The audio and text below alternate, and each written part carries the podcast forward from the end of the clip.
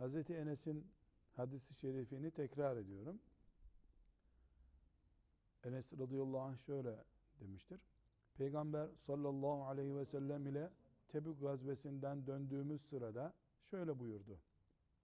Medine'de bizden geride kalan öyle kimseler vardır ki bir dağ yoluna, bir vadiye girdiğimizde onlar da bizimle yürüyormuş gibi sevap kazanırlar. Çünkü onları bir takım mazeretleri alıkoymuştur. Sadaka Resulullah sallallahu aleyhi ve sellem. Bu hadisi şerif hakkında konuştuk. Sorusu olan kardeşimiz var herhalde. Sorunuzu alalım. Hocam bu hadisi şerifte mazeretlerinden ötürü cihada katılamayan sahabelerden bahsetti. Evet. Mazeret deyince acaba neler kastediliyor? Mazereti biraz açabilir miyiz? Mazeret özürlü olmak. Ama bu özürden ne kastediliyor? Meşru olan özür kazın. Meşru ne demek? Şeriata uygun demek. Kur'an-ı Kerim'den öğreniyoruz ki ama olanlar bu cihat hareketinde meşru mazeret sahibi sayıldılar. Ama. Bir önceki bölümde konuştuğumuz gibi Tebu'ye katılacak kadar terliği, kılıcı, oku, yayı bulamadığı için, e, savaşacak bir malzemesi olmadığı için, binecek bir hayvan bulamadığı için katılamayanlar olmuş. Ciddi hastalığı olanlar olmuş. Hastalık da bir mazeret. Bir önemli mazeret daha var. Hem bu Tebuk gazvesinden dolayı hem de başka Resulullah sallallahu aleyhi ve sellem Efendimizin katıldığı, yönettiği cihat hareketlerinde bir meşru mazeret daha görüyoruz. O mazeret de anne babanın başka türlü giderilemeyecek hizmetini, ihtiyacını gidermek zorunda olan çocuk da anne babanın hizmetinde kaldığında bunu eğer bir kasıt için böyle yapmadıysa bu da meşru bir mazeret Allah katında. Ana baba hizmeti. Her halükarda meşru mazeret yasal mazeret demek. Şer'i mazeret demek. Şer'i mazeret de o operasyonu yöneten liderin kabul ettiği mazeret demektir. Bunlar Resulullah sallallahu aleyhi ve sellem Efendimiz'e mazeretlerini beyan ettiler. Hastalıklarını gösterdiler. E, ayaklarına giyecek bir şey bulamadıklarını söylediler. Annelerinin babalarının durumunu Resulullah sallallahu aleyhi ve sellem Efendimiz biliyordu. Onu beyan ettiler. Peygamber Efendimiz sallallahu aleyhi ve sellem de onları mazur gördü, özürlü gördü. Dolayısıyla özürlülükleri yani özürlü oldukları gelmeye karşı bir engeli bulundukları Peygamber aleyhisselam efendimizce onaylanmış olduğu için özürlü sayıldılar. Yoksa özürlü olmak, engelli olmak, kuru kuruya e, iddiada bulunmaktan ibaret değil. Ama Kur'an-ı Kerim'den özellikle bu gazvede ve diğer gazvelerle ilgili Allahu Teala'nın kimse kimlere ruhsat verdiğini görüyoruz. Aynı zamanda hadisi şeriflerde de işte anne baba örneğinde, anne baba hizmeti örneğinde konuştuğumuz gibi Allahu Teala'nın e, hangi kullarını mazur saydığını görüyoruz. Elbette o günkü e, özür kabul edilebilecek özürler o özürlerdi. Başka Müslümanın başka bir çağda başka özürde bulunabilir. Önemli olan bu özrün o olayı yöneten, o hizmeti yürüten ve kendisine itaat edilecek durumda olan liderin ya da yönetimin kabul edebileceği özürler olmasıdır. Evet siz de mi bir soru soracaktınız? Buyurun. Aklıma şöyle bir soru geldi hocam. Buyurun. Bir öğrenci lisedeyken veya üniversitedeyken derste olduğu vakitlerde namazını terk etmesi özür müdür, mazeret midir?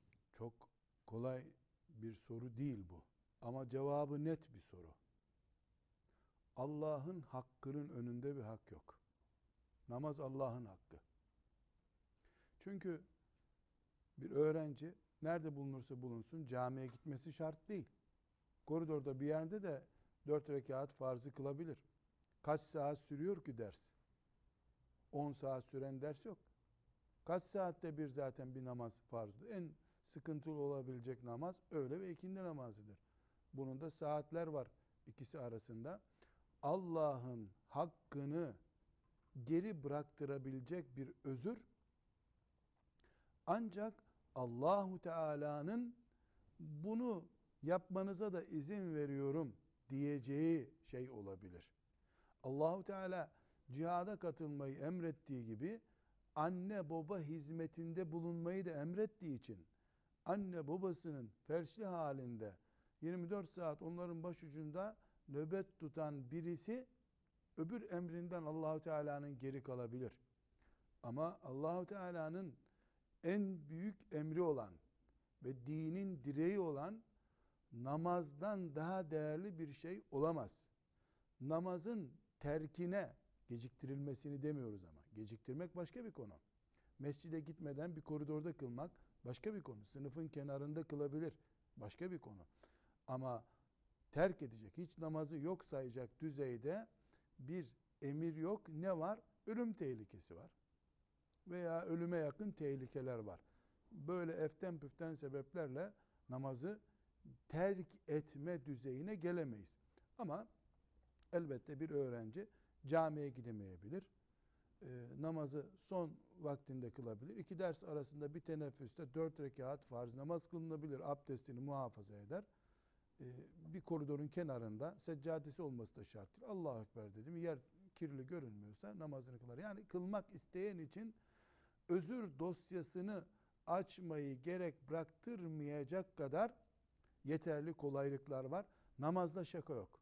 Namaz başka şey, e, diğer bütün dünya başka bir şey. Namaz ancak ölümle terki düşünülebilecek bir şeydir. Zaten Müslümanlığımız, cihadımız, her şeyimiz namazın üzerinden. Evet. Şimdi bu mübarek hadisi şerifleri tekrar hatırlayarak programımızı bitirelim. Hazreti Enes radıyallahu anh ne rivayet etmişti? Efendimiz sallallahu aleyhi ve sellem Tebük gazvesinden dönerken buyurdular ki Medine'de bizden geride kalan öyle kimseler vardır ki bir dağ yoluna, bir vadiye girdiğimizde onlar da bizimle yürüyormuş gibi sevap kazanırlar. Çünkü onları bir takım mazeretleri alıkoymuştur. Bu İmam Buhari'nin rivayetiydi. İmam Müslim Cabir bin Abdullah'tan bir benzer ifadeyi nakletmiş. Orada da Efendimiz sallallahu aleyhi ve sellem şöyle buyurmuş. Hastalıkları yüzünden Medine'de kalan öyle kimseler var ki siz bir yolda yürüdüğünüz veya bir vadiyi geçtiğinizde onlar da sizinle birlikte gibidirler. Sevabınız gibi sevap alıyorlar. Hazreti Cabir'in rivayet ettiği hadiste Efendimiz sallallahu aleyhi ve sellem özür olarak sadece hastalığı sayıyor. Enes radıyallahu anh'ın rivayet ettiği hadisi şerifte de hastalığı zikretmeden meşru özürden söz ediyor. Her iki durumda da Allah'ın emrini yerine getirmeye, salih bir amel yapmaya, samimi niyeti olan bir mümin, önüne çıkan bir engelden dolayı onu yapamazsa Allahu Teala yapanlar gibi muamele yapıyor ona. Mümin niyetsizliğinden, gayretsizliğinden, iyi düşünememesinden kaybediyor. Engeller mümini engellemiyor. Çünkü Allahu Teala dış görüntülere göre insanların fiziki ölçümlerine göre değil, kalplerdeki samimi niyetlere göre sevap vermektedir. Allahu Teala bu hadisi şeriflerden istifade etmeyi bizlere de nasip eylesin. Velhamdülillahi Rabbil alemin.